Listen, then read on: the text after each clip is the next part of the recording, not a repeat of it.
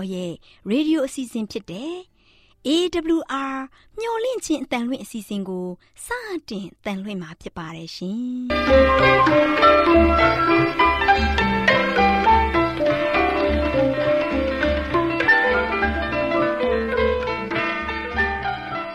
။ဒေါက်တာရှင်များခင်ဗျာမျော်လင့်ခြင်းအတန်မြန်မာအစီအစဉ်ကိုနက်နက်6နိုင်မိနစ်30မှ9နာရီအထိ16မီတာ kHz 10653ညညပိုင်း9နာရီမှ9နာရီမိနစ်30အထိ16မီတာ kHz 19533ညမှ နေ့စဉ်အတန်လှွင့်ပေးနေပါတယ်ခင်ဗျာဒေါက်တာရှင်များရှင်ဒီကနေ့တင်ဆက်ထုတ်လွှင့်ပေးမယ့်အစီအစဉ်တွေကတော့ကျမ်းမာပျော်ရွှင်လူပေါင်းတွင်အစီအစဉ်တရားဒေသနာအစီအစဉ်အထွေထွေဘုဒ္ဓအစီအစဉ်တို့ဖြစ်ပါတယ်ရှင်ဒေါက်တာရှင်များရှင်အာရော temperament လာပန် ကျမ်းမာခြင်းသည် လူသားတိုင်းအတွက်အဓိကအရေးဖြစ်ပါသည်ဒါကြောင့်ကိုရောစိတ်ပါကျမ်းမာစေဖို့ယင်ကျမ်းမာခြင်းတရင်ကောင်းကို တင်ဆက်ပေးလိုက်ပါတယ်ရှင်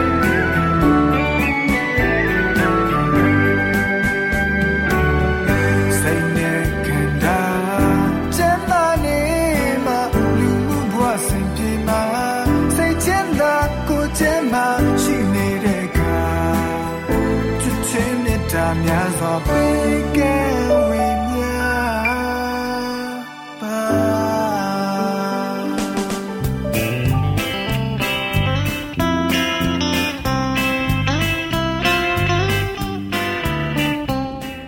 ်တရှိများရှင်လူသားတို့အသက်ရှင်ရေးအတွက်အစာအာဟာရကိုမျှဝဲစားတောက်နေကြရတယ်ဆိုတာလူတိုင်းသိပါပဲဒီခါ စားတောက်မှုမမှန်ကန်တာတွေ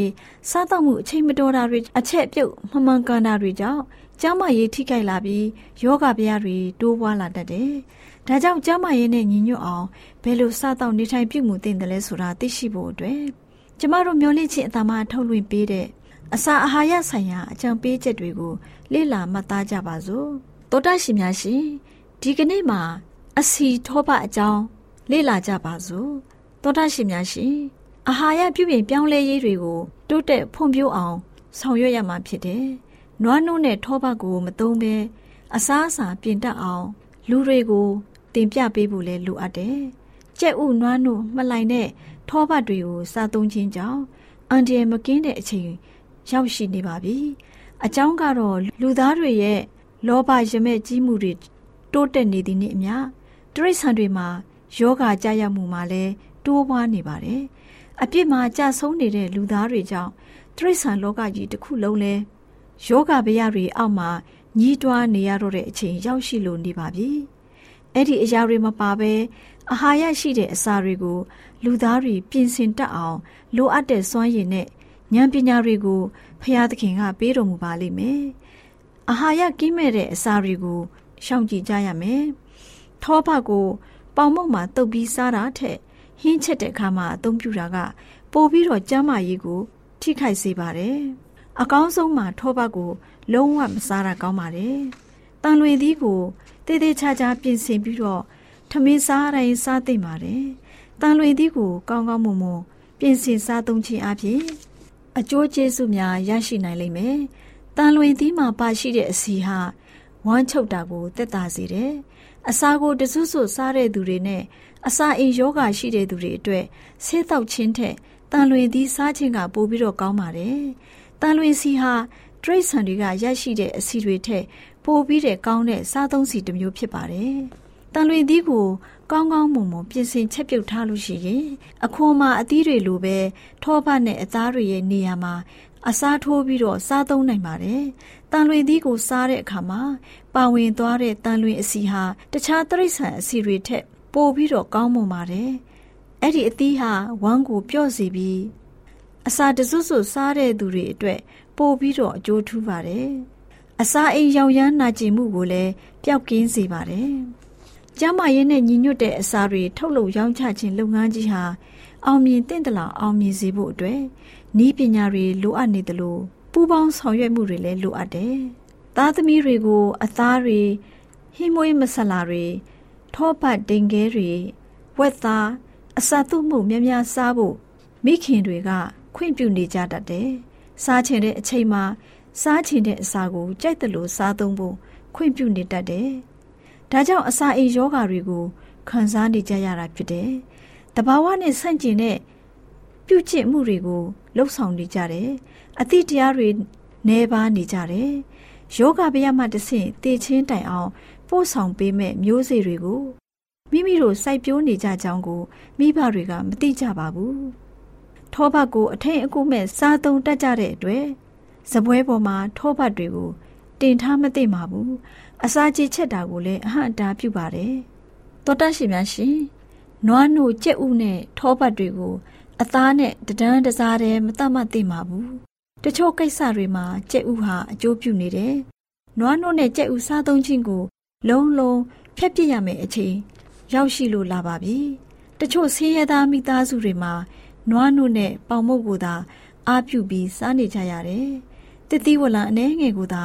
စားနိုင်ကြပြီးအသီးအနှံတွေဝယ်စားနိုင်တဲ့ငွေအင်အားမရှိကြပါဘူး။ကျောင်းမရေးဆိုင်ရာပြုပြင်ပြောင်းလဲရေးသတင်းစကားတွေကို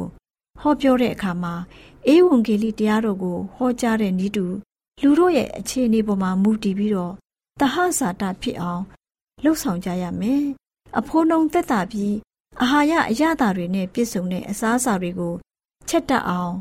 သင်မပေးခင်မှာကျန်းမာရေးပြုပြင်ပြောင်းလဲမှုဆိုင်ရာ အစာအာဟာရတွေအကြောင်းကိုပွန့်ပွန့်လင်းလင်းမတင်ပြသင့်သေးပါဘူး။ကျန်းမာရေးပြုပြင်ပြောင်းလဲမှုဆိုင်ရာလုပ်ငန်းတွေလုပ်တဲ့အခါမှာမိခင်တွေကိုအစာအာဟာရနဲ့ပြည့်စုံတဲ့အစာအစာတွေကိုချက်ပြုတ်တတ်အောင်သင်ကြားပေးရပါမယ်ဆိုတဲ့အကြောင်းအစာအာဟာရဆိုင်ရာ အကြံပေးကဏ္ဍမှာကျန်းမာရေးအတွက်အကြံပေးတင်ပြလိုက်ပါတယ်ရှင်။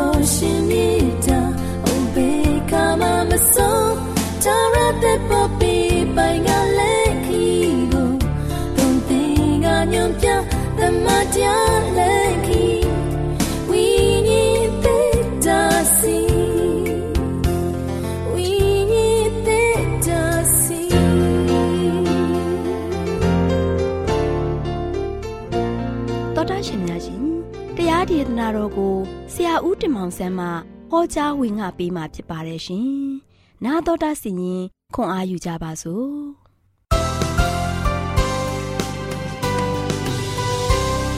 ချစ်တော်သောတာရှင်ဓမ္မမိတ်ဆွေပေါင်းတို့မင်္ဂလာပေါင်းနဲ့ပြေဝဆုံနေကြပါစေဒီနေ့မင်္ဂလာနေ့တစ်မှာဆက်လက်ပြီးတော့ပေးသွားခြင်းတဲ့သတင်းစကားကတော့လူဤစကားထက်ဘုရားသခင်ဤစကားကိုနားထောင်သင့်ပါ၏ဆိုတဲ့သတင်းစကားကိုပေးသွားမှာဖြစ်ပါတယ်ချစ်တော်မိတ်ဆွေတို့ ယနေ့ပြီးခဲ့တဲ့အချိန်ကာလတုန်းကတော့ကဘာကြီးမှာကွဲပြားခြားနားနေတဲ့ထဲကနေမှကျွန်တော်တို့ရဲ့တက်တာကိုယက်တည်နိုင်ဖို့နော်ဗျာဒိတ်ကြံခန်းကြီး6ကိုကျွန်တော်တို့စတင်ခဲ့တာဖြစ်ပါတယ်အဲချစ်တော်မိတ်ဆွေတို့ယနေ့လူရဲ့စကားထက်ကျွန်တော်တို့ဖရာသခင်ရဲ့စကားကိုနားထောင်တဲ့အခြေအနေမျိုးဖြစ်ပါတယ်။တမန်တော်ဝိတ္ထုခန်းကြီး9အငယ်29မှာပေတရုနဲ့အခြားသောတမန်တော်တို့ကလည်းလူဤစကားတဲ့ဘုရားသခင်ဤစကားတို့ကိုနားထောင်သင့်ပါ၏ သူ့ရဲ့ထုံတန်းစင်တာထက်နော်လူရဲ့ထုံတန်းစင်တာထက်ဘုရားသခင်ရဲ့အလိုတော်တိုင်းပြုလုပ်ဖို့ရန်အတွက်ကျွန်တော်တို့အရေးကြီးပါတယ်တပည့်တော်များဆိုရှင်ခရစ်တော်နဲ့အတူနေခဲ့ကြလို့သူတို့ခရစ်တော်အပေါ်မှာဆိုရှင်သစ္စာရှိကြတယ်ခရစ်တော်ယုံကြည်တယ်လို့သူတို့ယုံကြည်ပြီးတော့ခရစ်တော်သွန်သင်တယ်လို့သူတို့ကဆိုရှင်သွန်သင်ခဲ့ကြပါတယ်တပည့်တော်များဆိုရှင်ခရစ်တော်ကိုယုံကြည်သစ္စာရှိခဲ့လို့ပဲယနေ့ကျွန်တော်တို့လည်းပဲဒုတိယအကြိမ်ကြွလာမဲ့ခရစ်တော်ပေါ်ယုံကြည်သစ္စာရှိဖို့ရန်အတွက် လိုအပ်ပါတယ်ချစ်တော်မိတ်ဆွေကဲတခြင်းနဲ့ရှင်တဲ့သတင်းစကားကိုမိတ်ဆွေသူငယ်ချင်းအိမ်နီးနားချင်းနဲ့ကဘာအနှံ့ဟောပြောနိုင်တဲ့ယုံကြည်ခြင်းဟာလို့ရှိရင်ခရစ်တော်စိတ်ခိုင်းတော်မူချက်ကိုဆောင်ရွက်ခြင်းဖြစ်ပါတယ်ချစ်တော်မိတ်ဆွေတို့ပထမအောင်မြင်တဲ့အသင်းတော်ကိုမြင်းပြူနဲ့ပုံဆောင်ထားပါတယ်ဒီအသင်းတော်ဟာဆိုရှင် AD 31မှာဆိုရှင်အစာပြုတ်ပြီးတော့ AD 100လောက်မှာဆိုရှင်အဆုံးသတ်ခဲ့ပါတယ်ဒုတိယတစ်စိတ်ကိုဖွင့်လိုက်တဲ့အခါမှာ ယောဟန်ဘာမြင်တယ်ဆက်ပြီးတော့ကြည့်ကြပါစို့ဗျာဒိတ်ကြံခိုင်း6ငယ်၄မှာထိုအခါမြင်းဤတစီထွက်၍စေးတော်သူသည်ငြိမ်ဝချင်းကိုမြေကြီးကရုပ်သိမ်းခြင်းက၎င်းမြေကြီးသားတို့ကိုအချင်းချင်းအသေးတတ်ခြင်းက၎င်းအခွင့်ရ၏သူ၌ဓာကြီးကို ပေးထားတော်မူ၏လို့ဖော်ပြထားပါတယ်နော်သွေးစွန်းနေတဲ့ယုံကြည်ခြင်းကိုတွေ့ရပါတယ်ရာဇဝင်ကိုပြန်ကြည့်ရင် အေဒီတရားအလွန်ပါလို့ရှိရင်ခရိယာများဟာယောမအစိုးရရဲ့အလင်းမသိဘဲနဲ့အသက်ခံရသူတွေယောမအင်ပါယာတစ်ခုလုံးထဲမှာလို့ရှိရင်ဇက်ယုံကြီးများရဲ့ရှေ့မှာရှင်သေးစာရှင်သေးစာကြွေးခြင်းကိုခံခဲ့ရတဲ့သူတွေအမြောက်များရှိခဲ့ပါတယ်။သွေးစွန်းတဲ့အချိန်ကာလဖြစ်ပါတယ်။နော်။အဲဒီတစိတ်ကိုဖွင့်လိုက်တဲ့အခါမှာဓားကင်ထားတယ်။နော်။ ဓားဆိုတာကဆိုရှင်မွန်းလိုက်တဲ့အခါမှာသွေးထွက်ပါတယ်။ဒါကြောင့်ခရိယန်တော်တော်များများဆိုရှင်အဲဒီချိန်ကာလတုန်းကအသက်ခံခဲ့ရတယ်။တကယ်စယုံခုံယုံကြီးတွေမှာဆိုရှင်လူသူပြိတ္တကဝိုင်းပြီးတော့ကြည်နေတဲ့အခါမှာခရိယန်တွေကကွင်းအလယ်မှာခြင်သေးတွေအစာကျွေးခြင်းခံခဲ့ရပါတယ်ခရိယန်အသင်းတော်အတွက်အလွန်ဆိုးရွားတဲ့အချိန်ဖြစ်ပါတယ်ချစ်တော်မိတ်ဆွေအသင်းတော်ကတော့တိုးတက်စမြဲပါပဲ ဘလောက်ပဲနှိပ်စက်နေနေဘလောက်ပဲနှိပ်ကွနေနေဘလောက်ပဲခရိယန်တွေယော့သွားအောင်ဖျားသခင်ကိုယုံကြည်တဲ့သူတွေကဆိုရှင်လုံးဝပပျောက်သွားအောင်အမျိုးမျိုးနဲ့နှောက်ရှက်တယ်ညှင်းဆန်းတယ်နှိပ်စက်တယ်တည်တတ်တယ်အမျိုးမျိုးဒုက္ခတွေပေးပြီးတော့လူသူရဲ့အလယ်မှာဆိုရှင်ခြောက်လန့်စေခဲ့တယ်။သို့ပေမဲ့လည်းဘလောက်ပဲသူတို့ထိန်းချုပ်နိုင်ဖို့ရန်အတွက်စ조사သေးပါစေ။ဘလောက်ပဲခရိယန်တွေအဆုံးသတ်သွားပြီးတော့ ကမ္ဘာပေါ်မှာဖျားသခင်ကိုယုံကြည်တဲ့ခရိယန်များပျောက်ပယ်သွားအောင်ဘလောက်ပဲလုပ်ခဲ့ပါစေချစ်တော်မိတ်ဆွေတို့တိုးတက်စမြဲပဲယခုချိန်ထိပဲကဘာလုံးပါလို့ရှိရင်ဖျားသခင်ရဲ့သားသမီးတွေမြောက်များစွာရှိနေပါတယ်။နောက်ချစ်တော်မိတ်ဆွေတို့အသင်းတော်ကတော့ဘယ်တော့မှမမေးမိန်သွားပဲနဲ့ဘယ်တော့မှမပြောက်ပြက်သွားမင်းနဲ့ပို့ပြီးတော့တိုးတက်စမြဲဖြစ်လာခဲ့ပါတယ်အသင်းတော်ရာဇဝင်ဆရာတဦးကဆိုရှင်ဘလို့ပြောထားတယ်ဆိုရင်ခရိယန်တို့ရဲ့အသွေးဟာ မျိုးစေ့နဲ့တူကြောင်းခရစ်တော်အတွက်အသက်ဆုံးခဲ့အသက်ဆုံးခဲ့တာဟာမျိုးစေ့လေးတွေစိုက်ထားတာနဲ့တူတယ်ချစ်တော်မိတ်ဆွေတို့ဒါကြောင့်ဘလောက်ပဲတတ်ခဲ့ပါစေဘလောက်ပဲနှိပ်စက်ခဲ့တယ်ညှင်းဆဲခဲ့ပါစေနော်အဲ့ဒီမျိုးစေ့တွေကနေမှဆက်ပြီးတော့အပင်တွေပေါက်လာတယ်နော်မျိုးစေ့တွေကတတ်တဲ့နေရာမှာယုံကြည်ခြင်းကသွားပြီးတော့ကြတဲ့ခါမှာဒီယုံကြည်ခြင်းမျိုးစေ့ကပို့ပြီးတော့ ရှင်သန်လာတယ်နော်ဒါကြောင့်ဒီမျိုးစေ့လေးတွေကဆိုရှင်စိုက်ထားတာနဲ့တူတယ်အပင်သစ်လေးတွေကဆိုရှင်ပျောက်သွားတဲ့အပင်လေးတွေရဲ့နေရာကိုပြန်ပြီးတော့ယူခဲ့ပါတယ်ဆိုပြီးတော့ပြောခဲ့ပါတယ်ဒါချစ်တော်မိတ်ဆွေတို့တပင်လဲရင်တပင်ထူဆိုတဲ့အတိုင်းပဲနော်တပင်ကလဲသွားတယ်တပင်ကသေသွားတဲ့ခါမှာနောက်အပင်တပင်ကပြန်တက်လာပြီးတော့အဲ့ဒီသေတဲ့နေရာမှာပြန်ပြီးတော့အစားထိုးပန့်ပိုးလာတဲ့ခါမှာ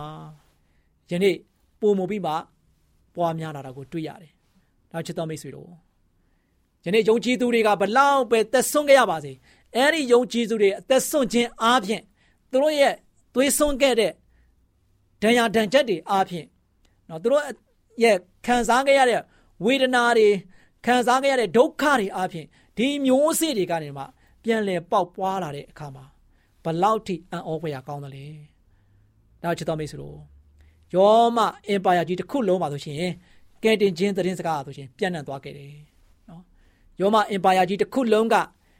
ဒီကဲတင်ချင်းသတင်းစကားကိုဆက်ပြီးတော့မဖြန့်ဖို့လုံးဝခြုံငိမ့်သွားဖို့လုံးဝလုံးဝမပပျောက်သွားဖို့ရန်အတွက်စ조사လေလေနော်တဏှာတဲကနေမှအင်ပါယာထဲမှာစ조사တဲ့ခါမှာအဲ့ဒီကဲတင်ချင်းသတင်းစကားကချစ်တော်မိတ်ဆွေတပြည်လုံးကိုပြန့်သွားတယ်တနိုင်ငံလုံးကိုပြန့်သွားတယ်တကဘာလုံးကိုပြန့်သွားခဲ့တယ်နော်ဘု ရားသခင်ရဲ့ကဲတင်ချင်းစီမံကိန်းကဘယ်လို့မှချုပ်ငိမ့်အောင်လုပ်လို့မရပါဘူးဘယ်လို့မှအဆုံးသတ်အောင်လုပ်လို့မရပါဘူးဖရာသခင်ရဲ့စီမံကိန်းကိုဘယ်သူမှဆုံးသတ်လို့မရဘူးဘယ်သူမှလည်းအတော်တတ်လို့မရဘူးချစ်တော်မိတ်ဆွေဖရာကဖရာရဲ့စီမံကိန်းဟာလူတွေဘယ်လို့မှနော်တူတောင်းအောင်ဆုံးသတ်ထားဖို့မလွယ်ပါဘူးနော်ဖရာရဲ့စီမံကိန်းကအမြဲတမ်းတည်တံ့ခိုင်မြဲနေတာကိုတွေ့ရပါတယ်နော် အဲ့ဒီချိန်ကကဘာကြီးတစ်ခုလုံးတည်င်းပြန်သွားခဲ့တယ်ချစ်တော်မိတ်ဆွေနော်ယောမတနိုင်ငံလုံးကဆိုရှင်ကေတင်ချင်းတဲ့စကားကိုပြန့်နှံ့ရုံနဲ့မကဘဲနဲ့အဲ့ဒီသွေးစွန်းတဲ့ဒုက္ခပုံဒီခံစားတဲ့ကာလမှာပို့ပြီးတော့တကဘာလုံးမှာဘုရားရဲ့တဲ့စကားပြန့်နှံ့သွားတယ်ဘလောက်အံ့ဩဖို့ကောင်းလဲဘုရားရဲ့စီမံကိန်းကဘလောက်ထိအံ့ဩဖွယ်ရာဖြစ်တယ်လေမိတ်ဆွေဒါကြောင့်မြင်းနေဟာဆိုရှင်သွေးစွန်းတဲ့ယုံကြည်ခြင်းကိုပုံဆောင်ထားပါတယ် နော်ဒါကြောင့်ပထမကတော့မြင်းဖြူအကြောင်းကိုကျွန်တော်ကြားခဲ့ရတယ်အခုဒုတိယတစ်စိတ်ကတော့မြင်းနေပုံဆောင်ထားတယ်နော်မြင်းနေရဆိုရှင်သွေးစွန်းတဲ့နော်ယုံကြည်ခြင်းပုံဆောင်ထားတာဖြစ်ပါတယ်ဒါကြောင့်ဒုတိယတစ်စိတ်ရဆိုရှင် AD 100ကနေမှ323ပါဆိုရှင်ရှိတဲ့ခရိယန်အသင်းတော်တွေကိုပုံဆောင်ခဲ့ပါတယ်ချစ်တော်မိတ်ဆွေတို့ဒါကြောင့်ဘုရားသခင်ရဲ့စီမံကိန်းကိုဒီနေ့ကျွန်တော်တို့ကြားရတဲ့ခါမှာ ဘုရားသခင်စီမံထားတဲ့အရာတွေကဲတင်ခြင်းစီမံကိန်းကဘယ်တော့မှအတော်မတက်ပဲနဲ့ယောမခေတ်ကလည်းအတော်မတက်ခဲ့ဘူးယခုအချိန်ကလည်းအတော်မတက်ဘူးနောင်လည်းအတော်တက်မှာမဟုတ်ဘူးဖခင်ကသူ့ရဲ့သားသမီးတွေကိုတိတ်ချစ်တဲ့ဖခင်ဖြစ်တဲ့အတွက်ကြောင့်ဆက်ပြီးတော့သူ့ရဲ့စီမံကိန်းကဆက်ပြီးတော့သွားနေမှာဖြစ်တယ်ခင်ခရစ်တော်ကကယ်တင်ခြင်းစီမံကိန်းကိုထိန်းချုပ်ထားတဲ့သူဖြစ်တဲ့ကြောင့်မကြမီကျွန်တော်တို့ကယ်တင်ခြင်းရဖို့အတွက်လာတော့မှဖြစ်တဲ့အတွက်ကြောင့်ယနေ့ဖြစ်ပျက်နေတဲ့ဒီအရာတွေပေါ်မှာကျွန်တော်တို့အားလုံးကတုံးသက်ပြီးတော့တက်တာပါလို့ရှိရင် ဘုရားသခင်ဘက်မှာသစ္စာရှိကြပါလို့အားပေးတဲ့လူတွေကိုဖြစ်ပါတယ်။ဒီတော်မိတ်ဆွေများအားလုံးဘုရားသခင်ကြောဝမြတ်စွာဘုရား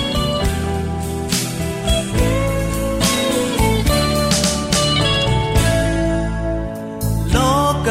ကဘာကြီးရှင်နေကိုမြဲဆောင်ကြည့်လိုက်အောင်ကြွေတော့မဲ့ပန်းလုံး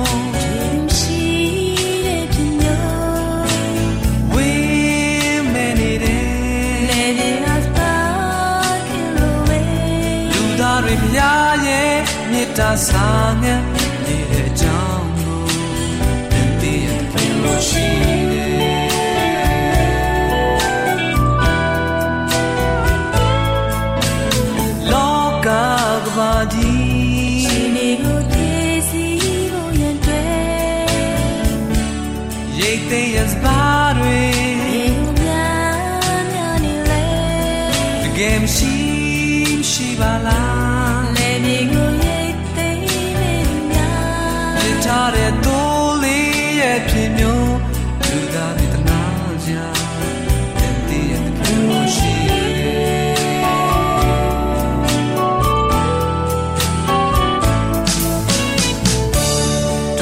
တွေ့တာ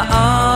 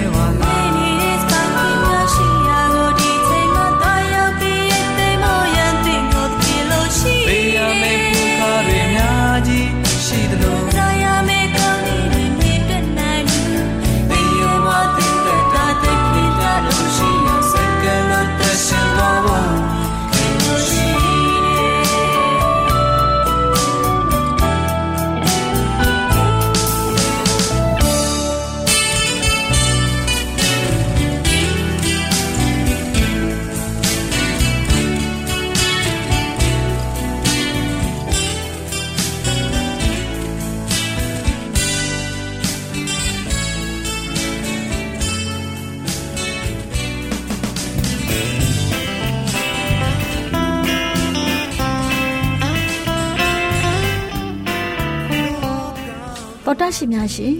လူသားတို့အသက်ရှင်ရေးအတွက်အစာအာဟာရကိုမျှဝဲစားတောက်နေကြရတယ်ဆိုတာလူတိုင်းသိပါပဲဒီခါစားတောက်မှုမမှန်ကန်တာတွေ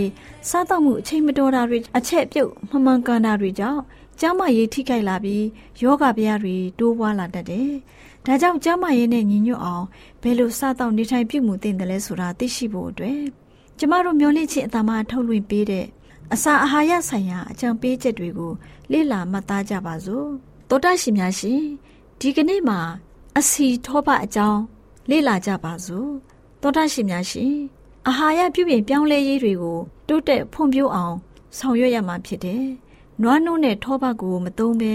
အစားအစာပြင်တတ်အောင်လူတွေကိုတင်ပြပေးဖို့လဲလိုအပ်တယ်။ကြက်ဥနွားနှုတ်မှလိုက်တဲ့ထောပတ်တွေကိုစားသုံးခြင်းကြောင့်အန်ဒီယမကင်းတဲ့အချိန်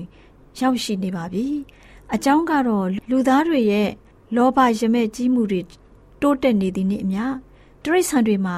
ယောဂကြာရမှုမှာလဲတိုးပွားနေပါတယ်။အပြစ်မှာကြာဆုံးနေတဲ့လူသားတွေကြောင့်တရိษံလောကကြီးတစ်ခုလုံးလဲယောဂဗျာတွေအောက်မှာညီးတွားနေရတော့တဲ့အချိန်ရောက်ရှိလို့နေပါပြီ။အဲ့ဒီအရာတွေမပါဘဲအာဟာရရှိတဲ့အစာတွေကို လူသားတွေပြင်ဆင်တတ်အောင် လိုအပ်တဲ့စွမ်းရည်နဲ့ ဉာဏ်ပညာတွေကိုဖရာသခင်ကပေးတော်မူပါလိမ့်မယ်။အာဟာရကင်းမဲ့တဲ့အစာတွေကိုရှောင်ကြဉ်ကြရမယ်။ထောဘကိုပေါင်မုတ်မှာတုပ်ပြီးစားတာထက်ဟင်းချက်တဲ့အခါမှာအသုံးပြုတာက ပိုပြီးတော့ကျန်းမာရေးကို ထိခိုက်စေပါတယ်။အကောင်းဆုံးမှာထောဘကို လုံးဝမစားတာကောင်းပါတယ်။တန်လွေသီးကိုတေးသေးချာချာပြင်ဆင်ပြီးတော့ထမင်းစားတိုင်းစားသင့်ပါတယ်။တန်လွေသီးကိုကောင်းကောင်းမွန်မွန်ပြင်ဆင်စားသုံးခြင်းအပြင် အကျိုးကျေးဇူးများရရှိနိုင်လိမ့်မယ်။တန်လွင်သီးမှာပါရှိတဲ့အစီဟာဝမ်းချုပ်တာကိုတက်တာစေတယ်။အစာကိုတစွတ်စွတ်စားတဲ့သူတွေနဲ့အစာအိမ်ယောဂရှိတဲ့သူတွေအတွက်ဆေးတောက်ခြင်းထက်တန်လွင်သီးစားခြင်းကပိုပြီးတော့ကောင်းပါတယ်။တန်လွင်စီဟာတရိတ်ဆန်တွေကရရှိတဲ့အစီတွေထက်ပိုပြီးတဲ့ကောင်းတဲ့စားသုံးစီတစ်မျိုးဖြစ်ပါတယ်။ တန်လွင်သီးကိုကောင်းကောင်းမွန်မွန်ပြင်ဆင်ချက်ပြုတ်ထားလို့ရှိရင်အခွန်မှာအသီးတွေလိုပဲထောပတ်နဲ့အသားတွေရဲ့နေရာမှာအစားထိုးပြီးတော့စားသုံးနိုင်ပါတယ်။တန်လွင်သီးကိုစားတဲ့အခါမှာပါဝင်သွားတဲ့တန်လွင်အစီဟာတခြားတရိษံအစီတွေထက်ပိုပြီးတော့ကောင်းမွန်ပါတယ်။အဲ့ဒီအသီးဟာဝမ်းကိုပြော့စီပြီးအစာတစွတ်စွတ်စားတဲ့သူတွေအတွက်ပိုပြီးတော့အကျိုးထူးပါတယ်။အစာအိမ်ရောင်ရမ်းနာကျင်မှုကိုလည်းပျောက်ကင်းစေပါတယ်။ ကျမ်းမာရေးနဲ့ညီညွတ်တဲ့အစာတွေထုတ်လုပ်ရောင်းချခြင်းလုပ်ငန်းကြီးဟာအောင်မြင်တင့်တယ်လို့အောင်မြင်စေဖို့အတွက်ဤပညာတွေလိုအပ်နေတယ်လို့ပူပေါင်းဆောင်ရွက်မှုတွေလည်းလိုအပ်တယ်။သားသမီးတွေကိုအသားတွေဟင်းမွေးမဆလာတွေထောပတ်ဒိန်ခဲတွေဝက်သားအစာသွမှုများများစားဖို့မိခင်တွေကခွင့်ပြုနေကြတတ်တယ်။စားချင်တဲ့အချိန်မှာစားချင်တဲ့အစာကိုကြိုက်တယ်လို့စားသုံးဖို့ခွင့်ပြုနေတတ်တယ်။ ဒါကြောင့်အစာအိမ်ယောဂါတွေကိုခံစားနေကြရတာဖြစ်တယ်။တဘာဝနဲ့ဆန့်ကျင်တဲ့ပြုကျင့်မှုတွေကိုလှုပ်ဆောင်နေကြတယ်။အသည့်တရားတွေ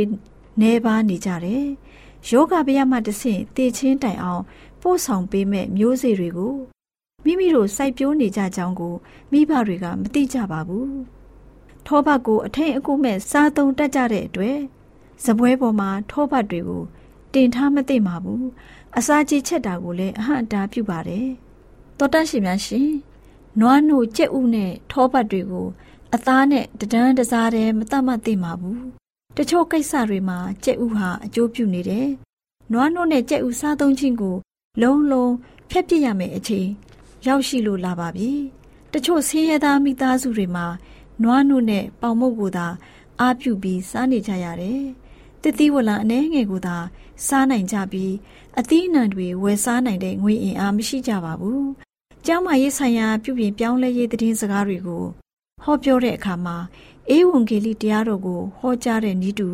လူတို့ရဲ့အခြေအနေပေါ်မှာမူတည်ပြီးတော့တဟဇာတဖြစ်အောင်လှုပ်ဆောင်ကြရမယ်။အဖိုးနှုံသက်တာပြီးအာဟာရအရသာတွေနဲ့ပြည့်စုံတဲ့အစားအစာတွေကိုချက်တက်အောင်သင်မပေးခင်မှာ ကျန်းမာရေးပြုပြင်ပြောင်းလဲမှုဆိုင်ရာအစာအာဟာရတွေအကြောင်းကိုပွင့်ပွင့်လင်းလင်းမတင်ပြသင့်သေးပါဘူး။ကျန်းမာရေးပြုပြင်ပြောင်းလဲမှုဆိုင်ရာလုပ်ငန်းတွေလုပ်တဲ့အခါမှာမိခင်တွေကိုအစာအာဟာရနဲ့ပြည့်စုံတဲ့အစားအစာတွေကိုချက်ပြုတ်တတ်အောင်သင်ကြားပေးရပါမယ်ဆိုတဲ့အကြောင်းအစာအာဟာရဆိုင်ရာအကြံပေးကဏ္ဍမှာကျန်းမာရေးအတွက်အကြံပေးတင်ပြလိုက်ပါတယ်ရှင်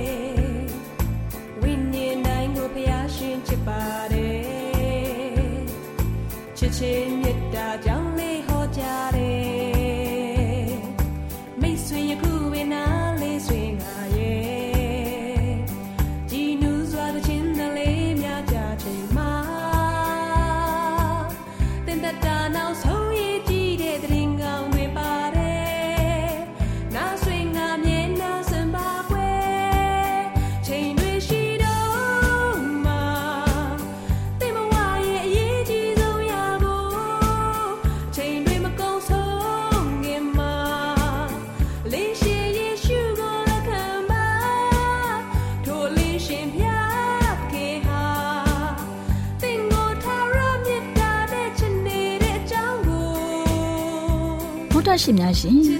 ကျမတို့ရဲ့ဓာတ်တော်စပေးစာယူသင်တန်းဌာနမှာအောက်ပါသင်တန်းများကိုပို့ချပေးလေရှိပါတယ်ရှင်သင်တန်းများမှာစိတ်ဓာတ်ဒုက္ခရှာဖွေခြင်းခရစ်တော်၏အသက်တာနှင့်တုန်တင်ကြများတဘာဝတရားဤဆရာဝန်ရှိပါကျမ်းမာခြင်းနှင့်အသက်ရှိခြင်းသင်နှင့်တင့်ကြမာရေးရှာဖွေတွေ့ရှိခြင်းလမ်းညွန်သင်ခန်းစာများဖြစ်ပါရဲ့ရှင်သင်တန်းအလုံးဟာ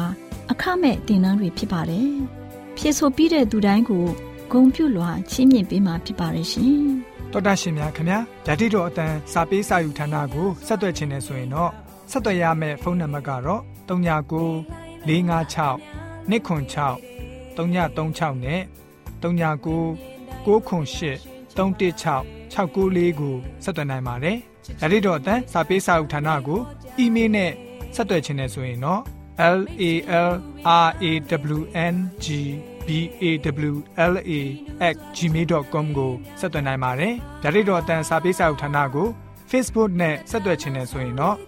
SOESANDAR Facebook အကောင့်မှာဆက်သွင်းနိုင်ပါတယ်တော်တာရှင်များရှင်ညှိုလင့်ချင်းတန်ရေဒီယိုအစီအစဉ်မှာတင်ဆက်ပေးနေတဲ့အကြောင်းအရာတွေကိုပိုမိုသိရှိလိုပါကဆက်သွယ်ရမယ့်ဖုန်းနံပါတ်များကတော့ 39ခွန်63 986 126ဖြစ်ပါတယ်ရှင်နောက်ထပ်ဖုန်းတစ်လုံးနေနဲ့39ခွန်6ခွန်88ခွန်669တို့ဆက်သွယ်မြင်းမြန်းနိုင်ပါတယ်ရှင်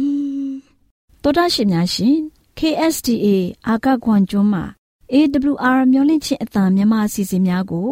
အတံလွှင့်ခဲ့ခြင်းဖြစ်ပါတယ်ရှင်။ AWR မျိုးလင့်ချင်းအတန်ကိုနာတော်တာဆင် gay ကြတော့တော်တာရှင်အရောက်တိုင်းပေါ်မှာ ဖျားသခင်ရဲ့ကြွယ်ဝစွာသောကောင်းကြီးမင်္ဂလာတက်ရောက်ပါစေ။ကိုယ်စိတ်နှဖျားစမ်းမွှေလန်းကြပါစေ။ကျေးဇူးတင်ပါတယ်ခင်ဗျာ။